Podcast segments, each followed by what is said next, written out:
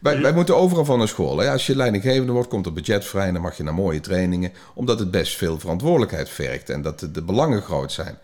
En je gezin bij elkaar rutsen flutsen mag iedereen. Waarom hebben we geen rijbewijs voordat je je gaat voortplanten? Ik heb er wel zin in. Ik heb, eh, het heeft me wel bezig gehouden, mijn hoofd, hoor, deze vraag. Dus eh, ik ben heel benieuwd wat er, wat er gaat komen allemaal. Ze kunnen met jou leren. Voor later. En je bent heel leuk. Eerst vragen en dan klagen. Eerst kijken en dan zeiken. 1, 2, 3. Ja, dames en heren, dit is de podcast van eh, My Daddy Talks. En mijn naam is Meindert van Wensen. Live van het altijd pittoreske Luzern in Zwitserland heb ik deze podcast opgenomen op Clubhouse. Het is een podcast over persoonlijk leiderschap thuis. Met je gezin, je kinderen en je partner. Op de thuisvloer, zeg maar. En vandaag praat ik met Remco Klaassen. Op zijn eigen website eh, lees ik dat hij de perfecte combinatie is tussen Stephen Covey en Hans Theeuwen. Verder is hij de master op het gebied van leiderschap, op effectiviteit en ontwikkeling van talent. Het is dan ook een eer en genoegen om vandaag met Remco over leiderschap thuis te praten. Eigenlijk het ouderschap. Dus uh, welkom Remco. Ja, ja, leuk om te doen. Niet iedereen weet waar jij zit. Dat vind ik ook nog wel noemenswaardig. Uh. als als hint. je zit ook letterlijk tussen de koeien volgens mij. Ik, soms laat je wat van die filmpjes zien. Ik denk, die is gewoon uh, ja. Hans en Grietje daar. Ik zit, uh, ik zit in het midden van Zwitserland, midden in de bergen, in het pittoreske dorpje Luzern. Uh, en ik coach vaders die ondernemen. Even kijken, volgens mij um, heb, mis ik nog iets uh, over jou, Remco, dat de mensen echt moeten weten even. Oké, en dat is? Nou, dat vraag ik aan jou. Oh, wat, wat, zij, wat de meesten moeten weten over mij naast mijn beroep? Of? Ja, iets, nou ja, we, hebben vandaag dat die combi leiderschap, ouderschap, of, of in, in hoeverre dat overlapt. Uh, ik ben dus ook vader uh, ja. van drie. Uh, eentje 26, eentje 24, eentje 20. Meisje, meisje, jongen. Eén werkt bij de Efteling. Eentje is bijna verloskundige. En eentje die heeft een helweek nu. Die wordt nou geïnaugureerd in de studentenvereniging. En volgens mij heeft hij nou... 48 uur vreselijk zwaar vernedering en allemaal gedoe. Dus uh, mijn hart gaat uit naar mijn, naar mijn jongste. Ja. Die hebben niet naar zijn zin. Te gek. En uh, om daar meteen even op in te haken, Remco. Ik denk, in de voorbereiding van ons gesprek vandaag heb ik even wat podcast geluisterd, wat dingen gelezen, jouw uh, videootje op Instagram gezien. Ja. En wat mij opviel was dat jij uh, de coronacrisis best ellendig vindt. Omdat je niet meer op het podium kan uh, shinen en schijnen. Ja. Ja. Maar, maar dat uh, je hebt gesommeerd dat je kinderen weer naar huis kwamen. En dat dat het grootste geluk in de wereld is in deze tijden. Klopt ja, dat? die, die begintijden gingen we allemaal in quarantaine. Dus ik kreeg het hele gezin weer terug. Ja, en dan merk ik toch wel dat ik echt wel ja. iemand ben die graag op het nest zit en alles bij elkaar houdt. Dus ja, dat, dat was een van de weinige positieve kanten van deze periode, moet ik zeggen. En hoe vonden je kinderen dat? Ja, ja ook wel gaaf. Ze komen graag hier.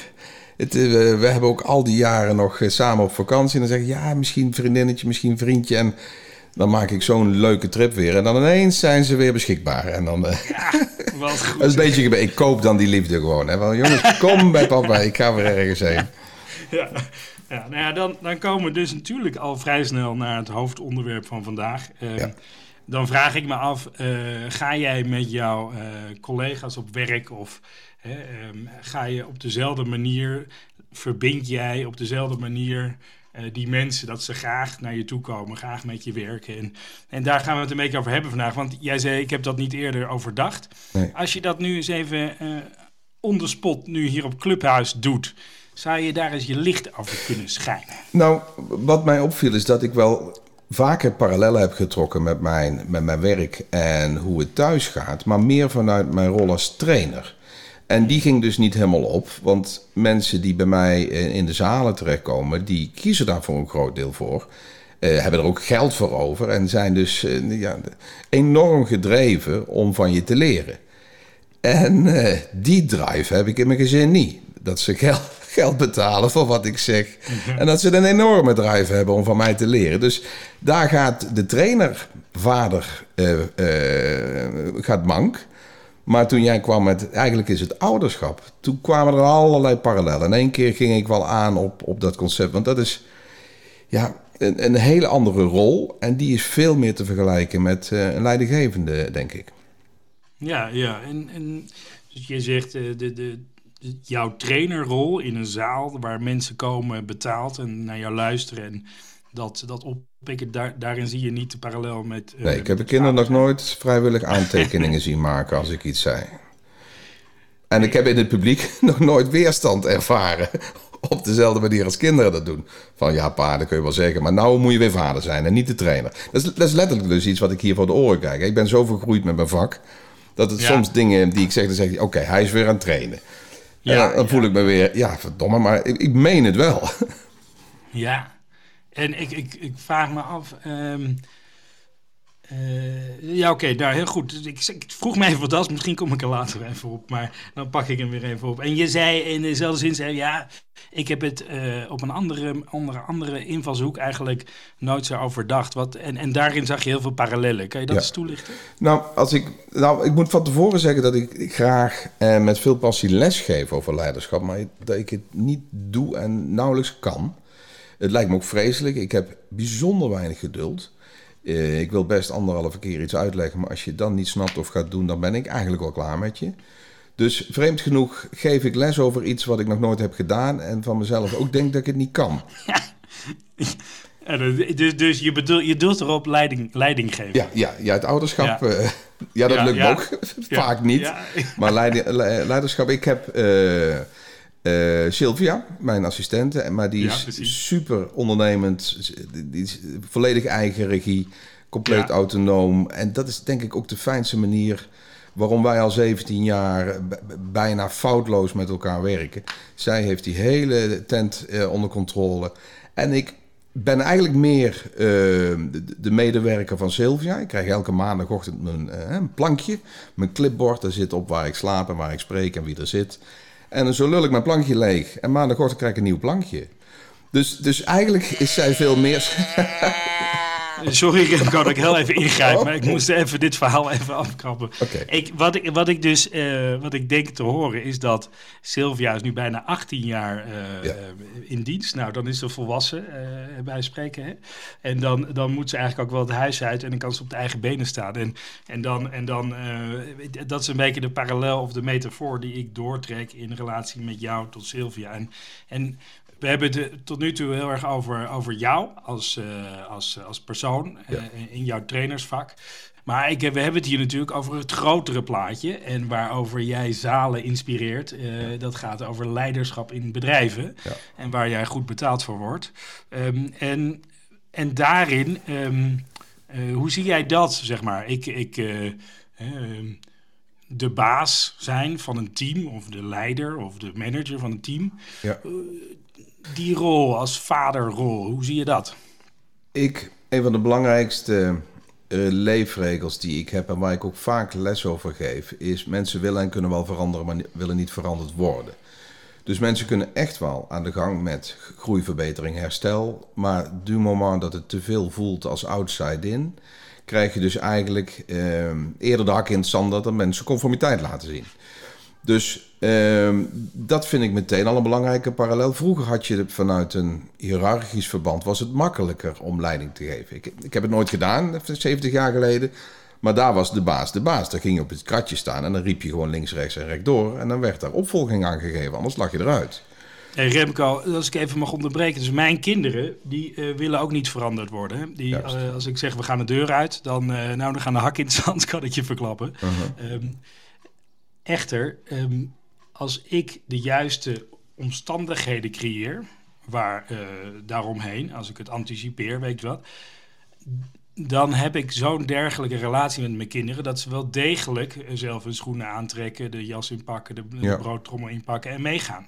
Hè? Maar dan heb je al een basis gefixt volgens mij. Er is al wat ja. uh, gezorgd van dat ze een eigen identiteitje hebben mogen vormen. En daarna kun je inderdaad faciliteren. Maar er moet eerst wat neergezet worden. Een fundament van eigen regie en laten we zeggen, verantwoordelijkheid willen nemen.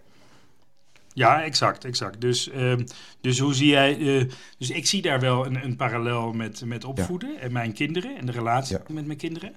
Ehm, dan ben ik even benieuwd bij jou hoe jij die relatie vertaalt naar de werkvloer. Ja. Als je die ziet, of als je daar een probleem ziet. Als ik vanuit de theorie eh, die ik geef, is het fundament van leidinggevende uh, allereerst dat andere eigen regie leren nemen.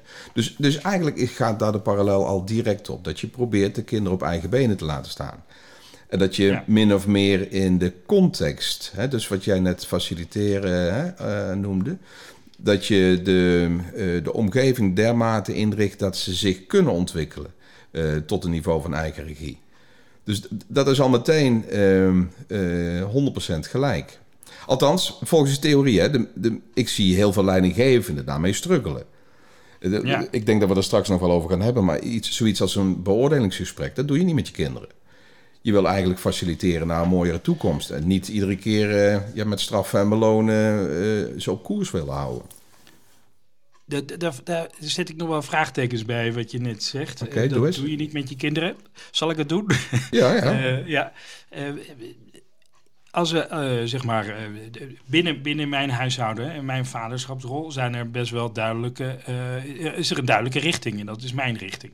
En ik bouw de relatie met mijn kinderen op op een manier dat ik de ruimte bied dat ze zoveel mogelijk keuze zelf kunnen maken. En vanuit die ruimte zijn ze bereid mij te volgen, als het ware als ik merk of als er iets gebeurt waar, waar ik niet uh, blij van word, uh, uh, iets loopt zeg maar keer op keer mank. Ik zie een patroon. Dan gaan we, ga ik samen zitten, dan hebben we een boekje en dan gaan we eens even brainstormen. Hoe kunnen we daarmee omgaan? En dan kunnen ze allerlei dingen roepen en doen. Het is niet straffen, het is niet belonen, het is niet met het vingertje, zeg maar. Mhm. Dus, en er komen dan dus, interessant genoeg, hele constructieve uh, ideeën, ook van mijn kinderen. De eerste drie zijn natuurlijk allemaal: ik wil een Mars en dan wil ik een, eh, een snoepje en dan wil ik een, eh, een, een nieuwe Lego-ding. Ja. Hij zegt ja, dat is goed, schrijf ik allemaal op. Dus we schrijven alles op. En dan gaanderweg komen ze ook met hele voor hunzelf, niet zulke gunstige regels misschien, maar die wel dan naar boven komen. Dus. Maar dat is al een spannende balans. Je zegt in principe ben ik best dwingend, het is mijn huis. Maar daarbinnen heb je dus die overlegstructuur. Ja, gemaakt. absoluut. Ja, dus, dus de, ik wil zeg maar in mijn, uh, in mijn huishouden is het zo dat. Uh, het, het, is niet allemaal heel vrijblijvend. Hè? Ik bedoel, het is, uh, ik ben wel degelijk de vader, ik ben autoritair. Ik sta wat dat betreft ik ben niet de baas. Ik vind de baas altijd een rotwoord. Ik ben echt de leider voor mijn kinderen. En ik leid en als ik ze goed leid, dan volgen ze mij. Uh, en dat is, uh, dus ik moet ze inspireren en, en, en dat, zodat ze me volgen. En daarin zie ik ook wel een parallel met een, met een leider. Is dat misschien het enige waar de, het vergelijk mank gaat? Dat als ze slecht presteren, kun je ze in een, een, een zakelijke context kun je ze eruit werken. Maar in een gezinssituatie wil je ze altijd behouden, ongeacht hoe, uh, hoe slecht ze presteren, laat ik bijna zeggen. Ja, ik kan mijn kinderen niet ontslaan. Hoe ga nee, dat, dat wordt lastig. ja, dat wordt lastig. Ja, ja nee, dat is, uh, nee, ja, dat is uiteraard een, een vrij uh, scherpe grens waar de parallel natuurlijk mank gaat. Maar, maar ja, dat is ook maar net, tenminste als het aan mij ligt, hoe jij er als leider voor een bedrijf in staat. Ik heb ook wel boeken gelezen waar, waar mensen gewoon niet ontslagen worden. Hè? ik ben het boek even kwijt, maar um, die dat bedrijf eh, die heeft als regel dat je gewoon niet ontslagen wordt. Uh, en dat komt, dat komt dan op dit moment nog dichter bij de parallel. Dus je blijft altijd een veilig vangnet, ongeacht of mensen eh, niet meer performen. Ja, en nou ja, en nu je dat zo zegt, uh, exact. En als dat zo is, wat betekent dat dan voor uh, dit bedrijf? Als je in zo'n bedrijf werkt. Ja. Nou goed, dan hebben we denk ik meteen een van de ingrediënten waar ik de meeste overlap zie: uh, vertrouwen. Een fundament van dat je goed zorgt voor je medewerkers en ze uh, eigenlijk het beste eruit wil halen. En dan komt er op een gegeven moment een, pijngrens waar de vergelijk wat mank gaat. Dat je als het lang na veel hulp en steun nog steeds niet werkt, dat je ze eruit werkt. En dat je dat met je eigen kids nooit doet. Ja, maar dan mag ik hem eens terugvragen aan jou. Want hoeveel leidinggevenden heb jij zelf gehad die met zo'n overlegstructuur en bijna niet directief met jou om zijn gegaan? Want ik heb het nog niet, niet veel meegemaakt. Ik heb het inderdaad niet vaak meegemaakt. Maar ik kan me zo goed voorstellen dat als ik in een. ehm, nou, laat ik het anders zeggen. Ik, ik zou het heel fijn hebben gevonden als mijn leidinggevende als een vaderfiguur voor mij zou zijn geweest. Want als dat zo is, dan weet ik dat hij het beste met mij voor zou hebben gehad. En dat zijn grootste succes is als ik eh, er beter uitkom dan hij zelf. Want dat wens ik ook voor mijn kinderen toe. Ja. En als dat zo is, en als iemand zo in de wedstrijd staat, nou, dan, nou, dan, ga je, dan, dan komt dat ten goede aan het bedrijf. Ja. Ehm, Ik heb meteen weer een klik op, op eh, de parallel. Ze zeggen altijd, eh, eh, je, kunt, je mag fouten maken en het komt altijd wel weer goed. En heb dat vertrouwen, het komt altijd goed. Ik heb dus niet altijd leidinggevenden gehad die mij met een vader- of moederrol hebben begeleid. En toch is het goed gekomen. Dus dit, dit vind ik wel een leuke Ja. parallel. Uiteindelijk Ja. komt het misschien... Ja, maar goed, is dat bij iedereen? Want wij hebben ook heel veel mensen die naast het pad van geluk wandelen... en met lege batterijen zitten. En Ja, het komt wel goed. Dat, dat is natuurlijk een, een eh, nou, dat is niet echt inspirerend, eh, ten eerste, vind ik. Ja. Eh, dus dus het, moet eigenlijk beter dan goed komen. Je wil innovatie in een bedrijf hebben. Je wil, je wil voortgang, ontwikkeling. ja, zeker in deze coronatijden. Dus met de instelling komt wel goed. dat komen mijn kinderen er niet, vind ik. oké, ik voel een pleidooi opkomen vanuit mijn kant. Ik Ja. zou ook het liefst een licentie willen. Wij, wij moeten overal van naar school. Hè? Als je leidinggevende wordt, komt er budget vrij... en dan mag je naar mooie trainingen... omdat het best veel verantwoordelijkheid vergt... en dat de, de belangen groot zijn. En je gezin bij elkaar hutsen flutsen mag iedereen. Waarom hebben we geen rijbewijs voordat je je gaat voortplanten? Ik heb de laatste vier jaar eh, hier in Zwitserland ben ik huisvader geweest. Ik heb een soort van inzicht gehad dat ik een enorme impact heb op de ontwikkeling van mijn kinderen als ik wat meer tijd met ze doorbreng. Ik vind dat prachtig. Ik heb daardoor een heel ander beeld van mijn eigen moeder eh, gekregen, die ook altijd thuis was. Eh, zeg maar zes jaar geleden had ik mijn vader een beetje op een voetstuk staan, de broodwinner van de familie. Nou, ik zie dat nu allemaal heel anders. Eh, en, en daar ben ik heel blij mee dat ik dat inzicht heb gehad. En dat wil ik heel graag ook ehm, eh, zeg maar delen met de wereld. En het liefst eigenlijk vaders daarover inspireren. Hoe gaaf dat wel niet, of nou, hoe, hoe impactvol dat is. Ja. En hoe leuk. Ehm, die boodschap, die ouderschapboodschap, die landt dus niet. Want een, zeg maar, die, die ouderschap is een heel fragiel en pijnlijk iets. Ga, niet, ga mij niet vertellen dat ik het anders moet doen. Want je hebt het over mijn, eh mijn kroost, zeg maar, hè? mijn Mhm. kinderen. En dat, dat is heel eh, vulnerable, is heel kwetsbaar. Dus dit, dat is een hele... En, en tegelijkertijd moet ik hand in eigen boezem steken. Ik heb het misschien verkeerd gebracht. Maar dat was een beetje trekken aan een dood paard, zeg maar. Maar zou jij er in het begin niet voor open hebben gestaan? Toen je voor het eerst eh, zo'n Nee, pakketje nee, baby mee naar nee. huis kreeg van... hé, hey, er is een cursus ouderschap. Nee, nee, nee. Hmm. Nee, ik niet. Nee. Nee, ik niet. En, en tenminste, als ik om me heen kijk, zijn er heel weinig vaders die. die ik heb ooit een, eh, een, een, eh, cursus gedaan, How to Talk to Kids, voordat ik naar Zwitserland ging. Ja. En van de 15 ouders was ik de enige vader. Ehm, en als je naar hun profiel kijkt van trainers, zijn het allemaal moeders, allemaal vrouwen. Dus, dus het, het, vader, de- het vaderschap, vader zijn, vaders, is gewoon, nou, gewoon is nog steeds niet echt een Nee. lekker ontwikkeld. eh, eh, Misschien dat ik het ook niet had gedaan. Maar ik heb nu wel, Nee. eh, na 26 jaar, zoiets van... oh, had ik dit, dat... had ik Ja, maar wat meer geweten. Daarom zitten we hier, Remco. Ja. Ja, ja, maar ja, maar wat goed, dan mooi. hebben we dus al een, een, een, een probleem. Dat als wij ontdekken dat er zoveel parallellen zijn... en dan we een school gaan maken voor ouders... dat wij nu al hebben gezegd dat de meeste vaders niet komen. Eh, nou ja, dus, maar, maar de boodschap die wel landt bij vaders is leiderschap. Dus jij trekt volle zalen. Ik denk dat jouw zalen gevuld zijn gemiddeld met meer vaders dan moeders. Eh, Ja. Dat weet ik niet, maar dat kan ik me Nee, voorstellen. En jij praat over leiderschap. En mijn stelling is dus dat je eigenlijk de afgelopen jaren hebt over ouderschap hebt gepraat. Maar, Ja. En dat is een soort van disguise is geweest over leiderschap. Dus de- Ja. je hebt een beetje een Dat andere had ik nooit voor kop kunnen krijgen. Ja, en kijk, volgens mij hebben we hier een kern te pakken. Dat het leiderschap is commercieel interessant. Het trekt volle zalen en het ouderschap niet. Laten we verder praten met uh, Remco Klaas en kijken of we nog meer interessante inzichten kunnen krijgen met dit gesprek. Daar gaat hij weer. Jij staat met je poten in de leiderschapsklei. Je spreekt bedrijven, je, je, je vult zalen. Wat is nou ehm, de belangrijkste uitdaging, challenge in dit leiderschap? En, ja. ja, ik denk dat wat ik het meeste zie aan uh, spanningsveld, met name bij wat, wat zwaarder uh, uh, leidinggevende. Dus een paar honderd man, ook grote, middelgroot bedrijven die in eigen bezit zijn, dus familie is de spagaat tussen de wens tot mensgericht leiderschap, faciliterend, empathisch en coachend, versus dat je toch nog steeds top-down verantwoordelijk blijft voor de output van je organisatie. De spreadsheet versus hart, de hoofd versus hart. En dat is wel erg lastig. Ik, eh, maar goed, eh, reageer hier zelf eens eerst op. Want anders ga ik weer cursus geven. Want ik heb nog een punt die ik daaraan wil plakken.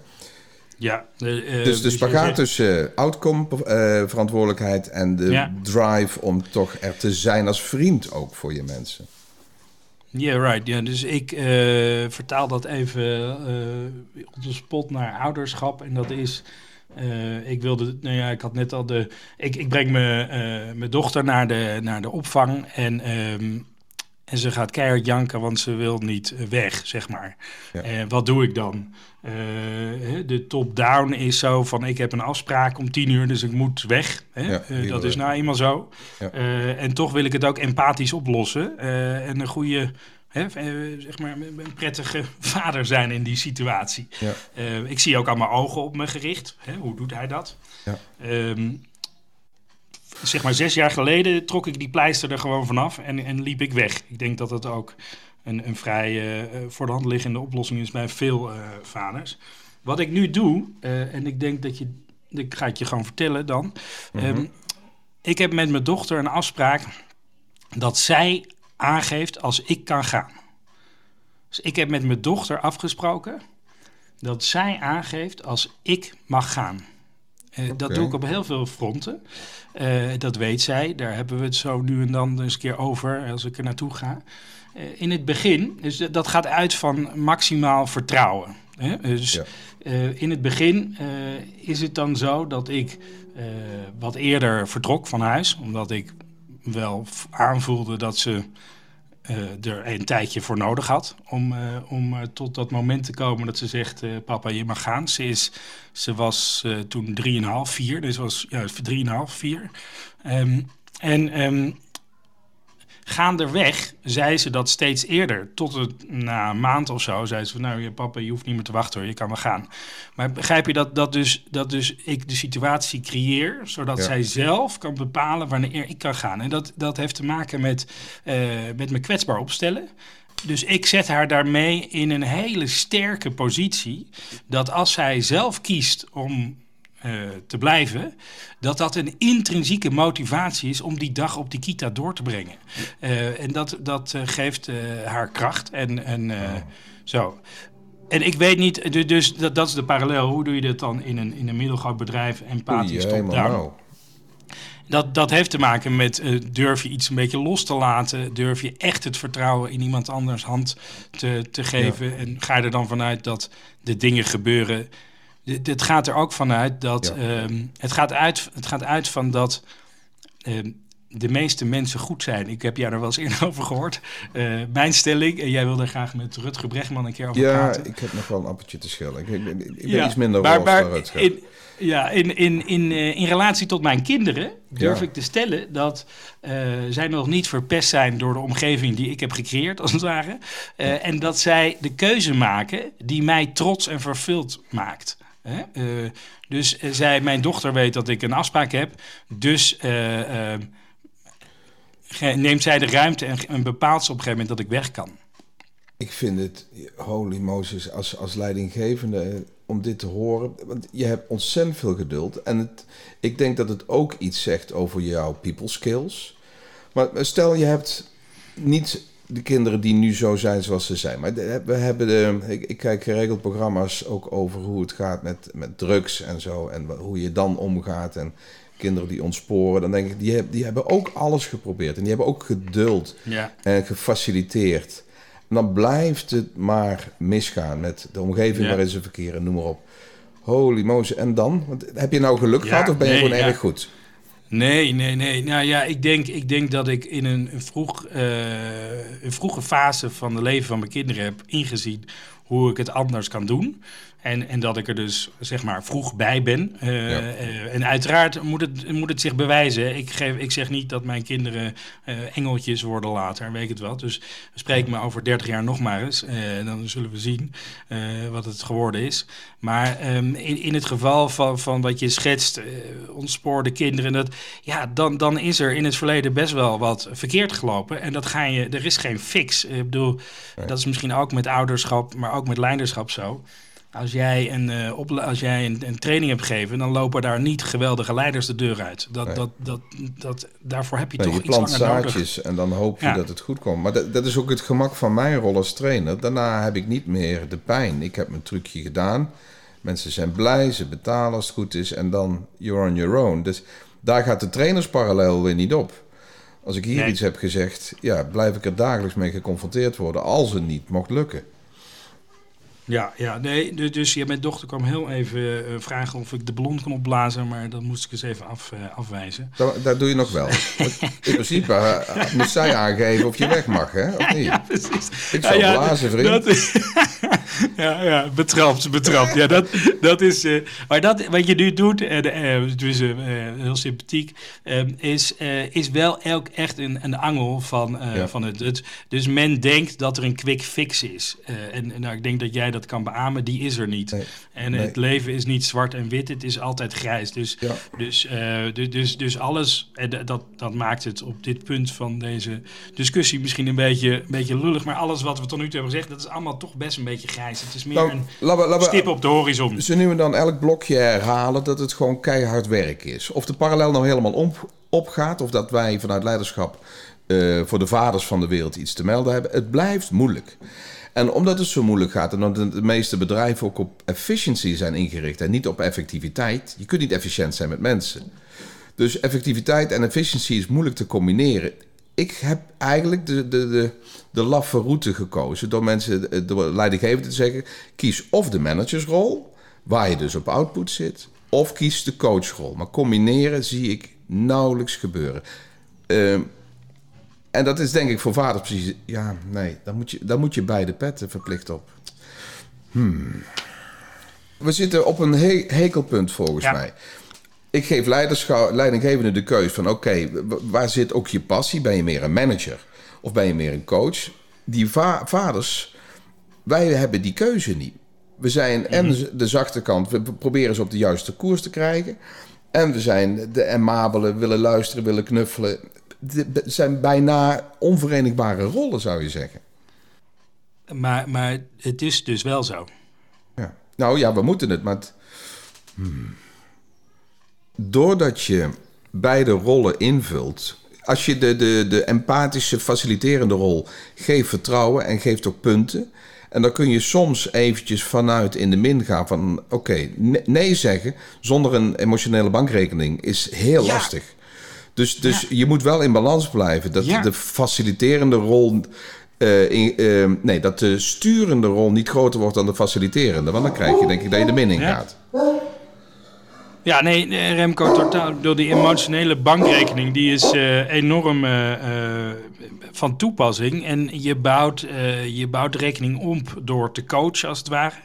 En, eh, en dat geeft mij de mogelijkheid om nu tijdens deze call, eh, tijdens dit gesprek, even in te grijpen. En dat Ja, is nee zeggen zonder je, dat, dat, en, dat, en ook dat, eh, dat heeft Ron ook weer goed gezien. Dat is ook grijs. Het had ook helemaal mis kunnen gaan. Ja, en dan had ik het op een andere manier. Ja, dan is het nee zonder schade. Want, Ja. Maar goed, misschien komen we er in jouw blok 3 nog aan toe. Ik zie ook parallellen met een huwelijk. Ik, ik kan bij mijn vrouw niet de directieve rol te vaak doen. Want dan, en andersom ook niet. Dus dat equilibrium zit daar ook in. Het blijft een heel moeilijke balans. Waar ben je nou coachend bezig en waar ben je management, uh, zeg maar, directiever bezig? Ja. En, en, en hoe verhoudt zich dat naarmate de kinderen groter worden bij jezelf? Wat is de impact daarvan? Uh, ga het gewoon eens testen met je kinderen. Het is een prachtige speeltuin om leiderschapskwaliteiten te testen. En je kan dat dag in, dag uit doen. En wat er nog mooiste aan is, is dat je kinderen nog meer van je gaan houden als, als jij dat doet. Dus, dus er zijn alleen maar win-elementen te bedenken daarin. En uh, als je dat als je die overtuiging hebt dat het een gelijkwaardig speelveld is, dus leiderschap en ouderschap, dan kan je het ook meebrengen in het bedrijf en kijken hoe het daaruit werkt. Ik denk dat eh, veel leidinggevenden, als er iets misgaat in een team of op de afdeling, uh, dit nooit doen. Kijken naar wat is mijn aandeel geweest. Ja, ik denk dat, dat veel leidinggevenden, eh, sorry als ik mensen nou beledig in de zaal, toch uh, kijken vanuit het Louis van Gaal syndroom. Ben ik nou zo slim of ben jij nou zo dom? En niet gaan vragen van, goh, dit gaat niet goed. Wat heb ik verkeerd gedaan doordat jij dit gedrag laat zien? dat gaan we niet zien, denk ik. Wat is nou de impact als je dat leiderschap uh, omarmt, die gedachte dat hetzelfde is, uh, dan heb je een lifelong learning thuis. En als je die lessen meeneemt in het bedrijfsleven, dan, uh, dan, heb je een, dan word je vanzelf een authentieke, dienende leider waar je zoveel over hoort. En ja. ze flats. En dan gaat het allemaal vanzelf. Dus er is niks meer aan. Ik heb mezelf ontwikkeld bij het Neuveld Instituut. Dat is Gordon Neuveld. En die had een prachtig voorbeeld hiervan. Die die sprak met, uh, met uh, gedetineerden, jonge gedetineerden in Amerika, Canada was het denk ik. En um, wat hij deed in die gesprekken, um, kinderen die eigenlijk niet te bereiken zijn, waar heel moeilijk mee te verbinden valt, die grootste ellende hebben meegemaakt. Hij ehm, schetste altijd het volgende scenario. Hij liet zijn, zijn telefoon, dus zijn sleutels in de auto liggen en zijn telefoon. Mm. En uh, hij begon het gesprek van, ja, shit, uh, ik heb mijn sleutels in de auto laten liggen, hij is op slot. Uh, zou je me even kunnen helpen? Het, het, zijn dus kinderen die al twintig auto's hebben gestolen en daarvoor in de bak zitten. Oh. En, en, en, dus, en dus kwamen die kinderen mee naar buiten en die konden die auto zo open maken met, met hun techniekjes. En daarmee had hij meteen uh, een soort van band met die kinderen opgebouwd van waaruit hij uh, verder kon werken en doen. Ja. Uh, dat, dat, dat, dat deed me denken aan Marianne. Um, en, en, en, dat, zijn ook, dat zijn ook allemaal lessen die je Juist. ook zeker wel kan meenemen in het ja, bedrijf. Hier ga ik heel hard op. Kijk, uiteindelijk, of het nou je, je vrouw is of je kinderen of je medewerker, men wil gezien worden. Gewoon zeer basale Pavlov, nee. Maslowiaanse principes. Mag ik er zijn? Ben ik waardevol? En dat wil je oneindig hard en lang horen. De mensen met de, de grootste berg aan eigenwaarde blijven daaronder nog steeds onzeker. Doe ik het goed? Ben ik, uh, ben ik adequate? Dus, dus dat is een van de dingen die we absoluut moeten gaan meegeven aan de vaders en de leidinggevenden en vice versa. Waardering geven. Voelen dat je ertoe doet. Als die jongens voelen van hé, hey, ik ben waardevol voor die man geweest, dan heeft hij een, waarderingsplatform waar hij een volgende stap mee kan maken. Ja, en is er verbinding van waaruit je inderdaad ja. ook samen kan werken en richting kan geven. En dat ze bereid zijn om achter je aan te lopen. Net zoals mijn kinderen. Ik ben ik ben, zeg maar, van hem heb ik ook geleerd, ik ben moedergans en mijn eentjes die lopen achter me aan. Maar dat doen ze alleen als ik, uh, als ik inderdaad de leiding neem en ook pak ja. uh, waar nodig. Um, maar, ook on, maar, ook ongewenst uh, volgen ze. Ik heb ontdekt, maar goed, ja. dat is ook veel te laat, dat ik een deel van de onzekerheid van mijn zoon komt door mijn eigen succes. Die heeft mij als een soort ah. standaard ge, gezien.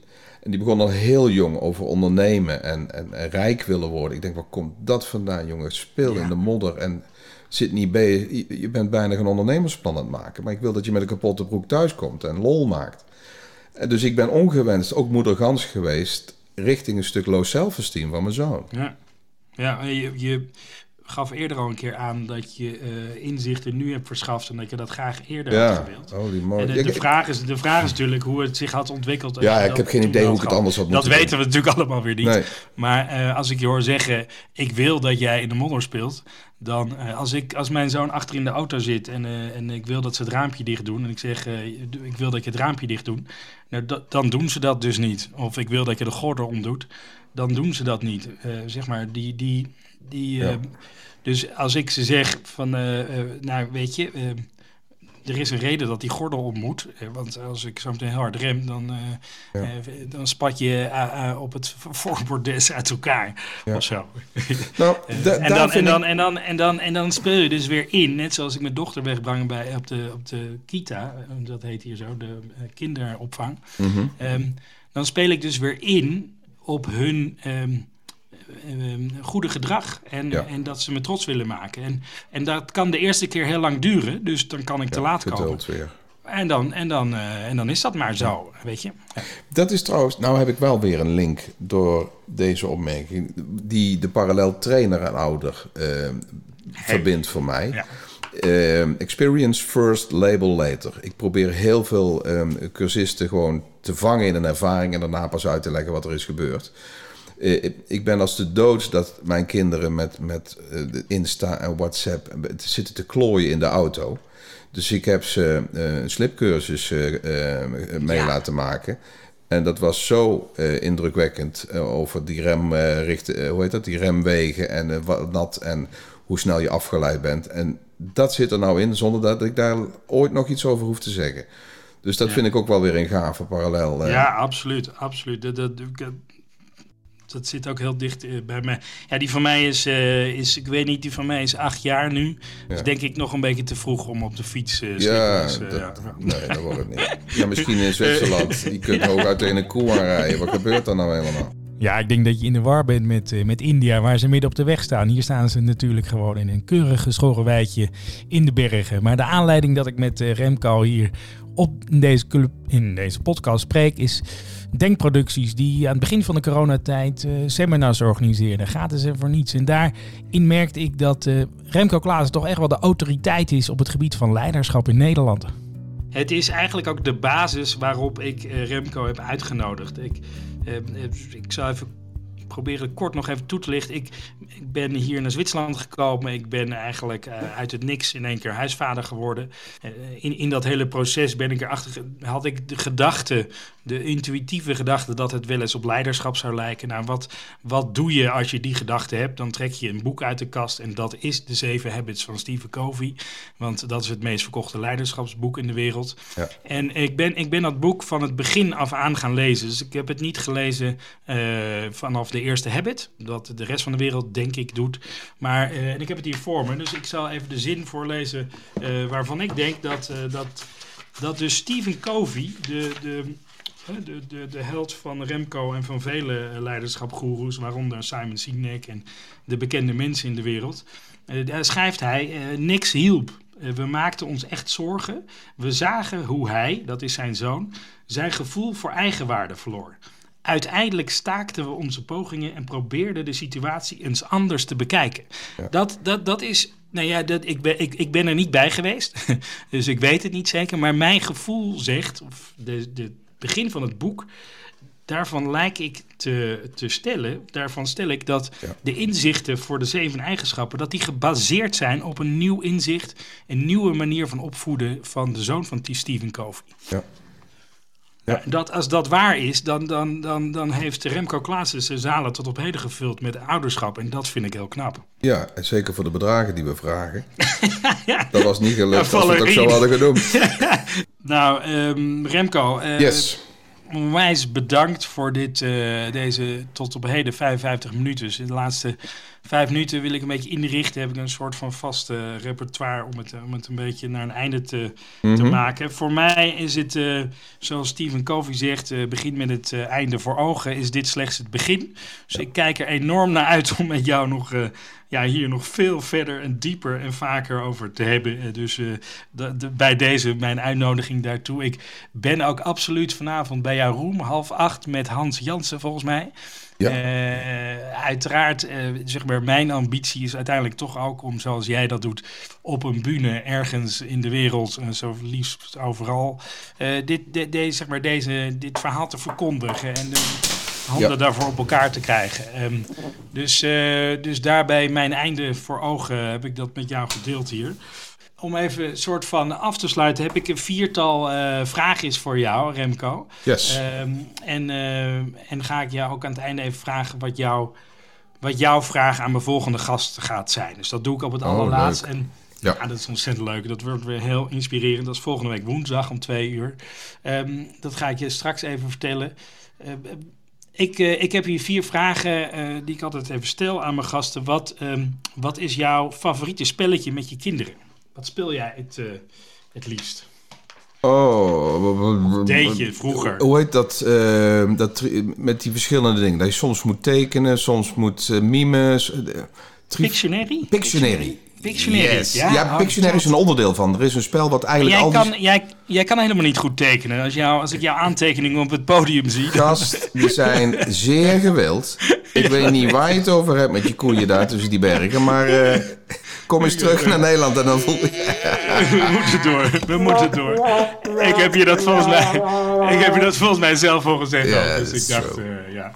Eh, Maar Pictionary, dat is dus een spel wat we allemaal moeten spelen eh, met onze kinderen. Leuk. Eh, wat, ehm, welke app, tool of apparaat kan je niet zonder? En je mag niet je telefoon noemen, want die heb ik al een keer. Oh, eenduidig. Remarkable. Ik heb nou zo'n... zo'n Remarkable. Ja, ik ben zo gelu- ik ben aan, Ik moet altijd droedelen en mindmappen en tekenen. Dus ik heb geprobeerd met die, die glasplaat varianten, de iPads en zo. En ik ben zeer Apple-minded. Maar het voelt als gummen op glas. En de Remarkable eh, heb ik nou een jaar of drie. Eh, het voelt als papier en geweldig. Ik ga overal naartoe met mijn Remarkable. Ik, eh, ik weet Zoek het niet op. waar je het over hebt. Maar het is een eh, notitieblok. eh, Ja, te gek, te gek. Dat Ja, geweldig. Leuk.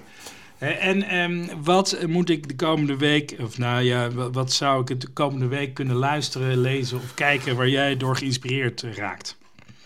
Oh, hemel. Eh, Ja, ik ben een Chefflix-fan. Eh, Chefflix? Chef Oh, ja, ja. Netflix, maar dan voor culinaire hoogstandjes. Eh, Ja, ik hou van lekker eten en lekker koken. En eh, het is twee tientjes. Ik, ik, ik krijg geen aandeel. Ik heb geen aandeel, maar die moet je gewoon even eh, eh, overmaken. Geweldig. Topkoks. En stap voor stap leggen ze uit hoe, ze, hoe je lekkere dingen maakt. Gek. Wat, is je laatste, wat heb je voor het laatst gekookt? Wat is, eh Oh, oh hemel. Sous- vide. eh, ik, ik, ik, vind het, ik vind het heerlijk om in waterbadjes vlees kapot te maken. Dus dan rub ik een paar varkensplanken in. En die laat ik 48 eh, ik- eh, uur doodgaan op 57 graden. En dan, nee, 71 denk ik. En dan, ah, dan kun je niezen en dan zijn alle botjes eruit. Dat is geweldig. Ja. Nou, gek. Ik, eh, heel goed, heel goed. Dus eh, Chef Flix, Topkoks, dat is jouw ding. En daar moeten we allemaal eh, naar gaan kijken. Leuk. Ehm, dus eh, mijn laatste vraag is, is wat jouw vraag is voor de volgende gast. Maar dan moet ik niet stellen voordat ik eerst de vraag stel van, mijn vorige, van de vorige gast. En dat was ehm, Gijs van Wulven. Gijs van Wulven, grote innovatie... man. eh, en de gevleugelde uitspraak: Ik laat oude olifanten weer dansen. eh, die ik nooit meer zal vergeten. Ehm, en waarvan ik meeneem dat ik mijn kinderen wil blijven laten dansen zo lang als mogelijk. Zodat ze Ja, dansen nooit verleren, zeg maar. juist. Ehm, en die vroeg, eh, die, wil, die vroeg aan jou, die vraagt aan jou: wat drijft jou? Oké. Eh, ik ga helemaal aan van energieuitwisselingen. Eh, ik doe het vaak met humor. Ik vind humor een van de meest pure, het lachen een van de meest pure energiebronnen. Dus met een lach en een traan ook wel mensen meer uit hun leven laten halen. Kun je me dag en nacht voor wakker maken. Mooi. Ja, 100%. Leuk. Ik heb ook de nieuwe vraag. Ja, en eh, nou ja, mijn, je, moet, je moet eigenlijk eerst even aanhoren Oh, wie het is. Ah. Want ik wil graag een scherpe vraag eh, die eh, past bij de, de, de, de, de gast. Ja. En dat is Joyce Knappen. Ik weet niet of je haar kent. Zij is opvoedkundige, bedrijfsantropoloog en oprichter van Pro Parents.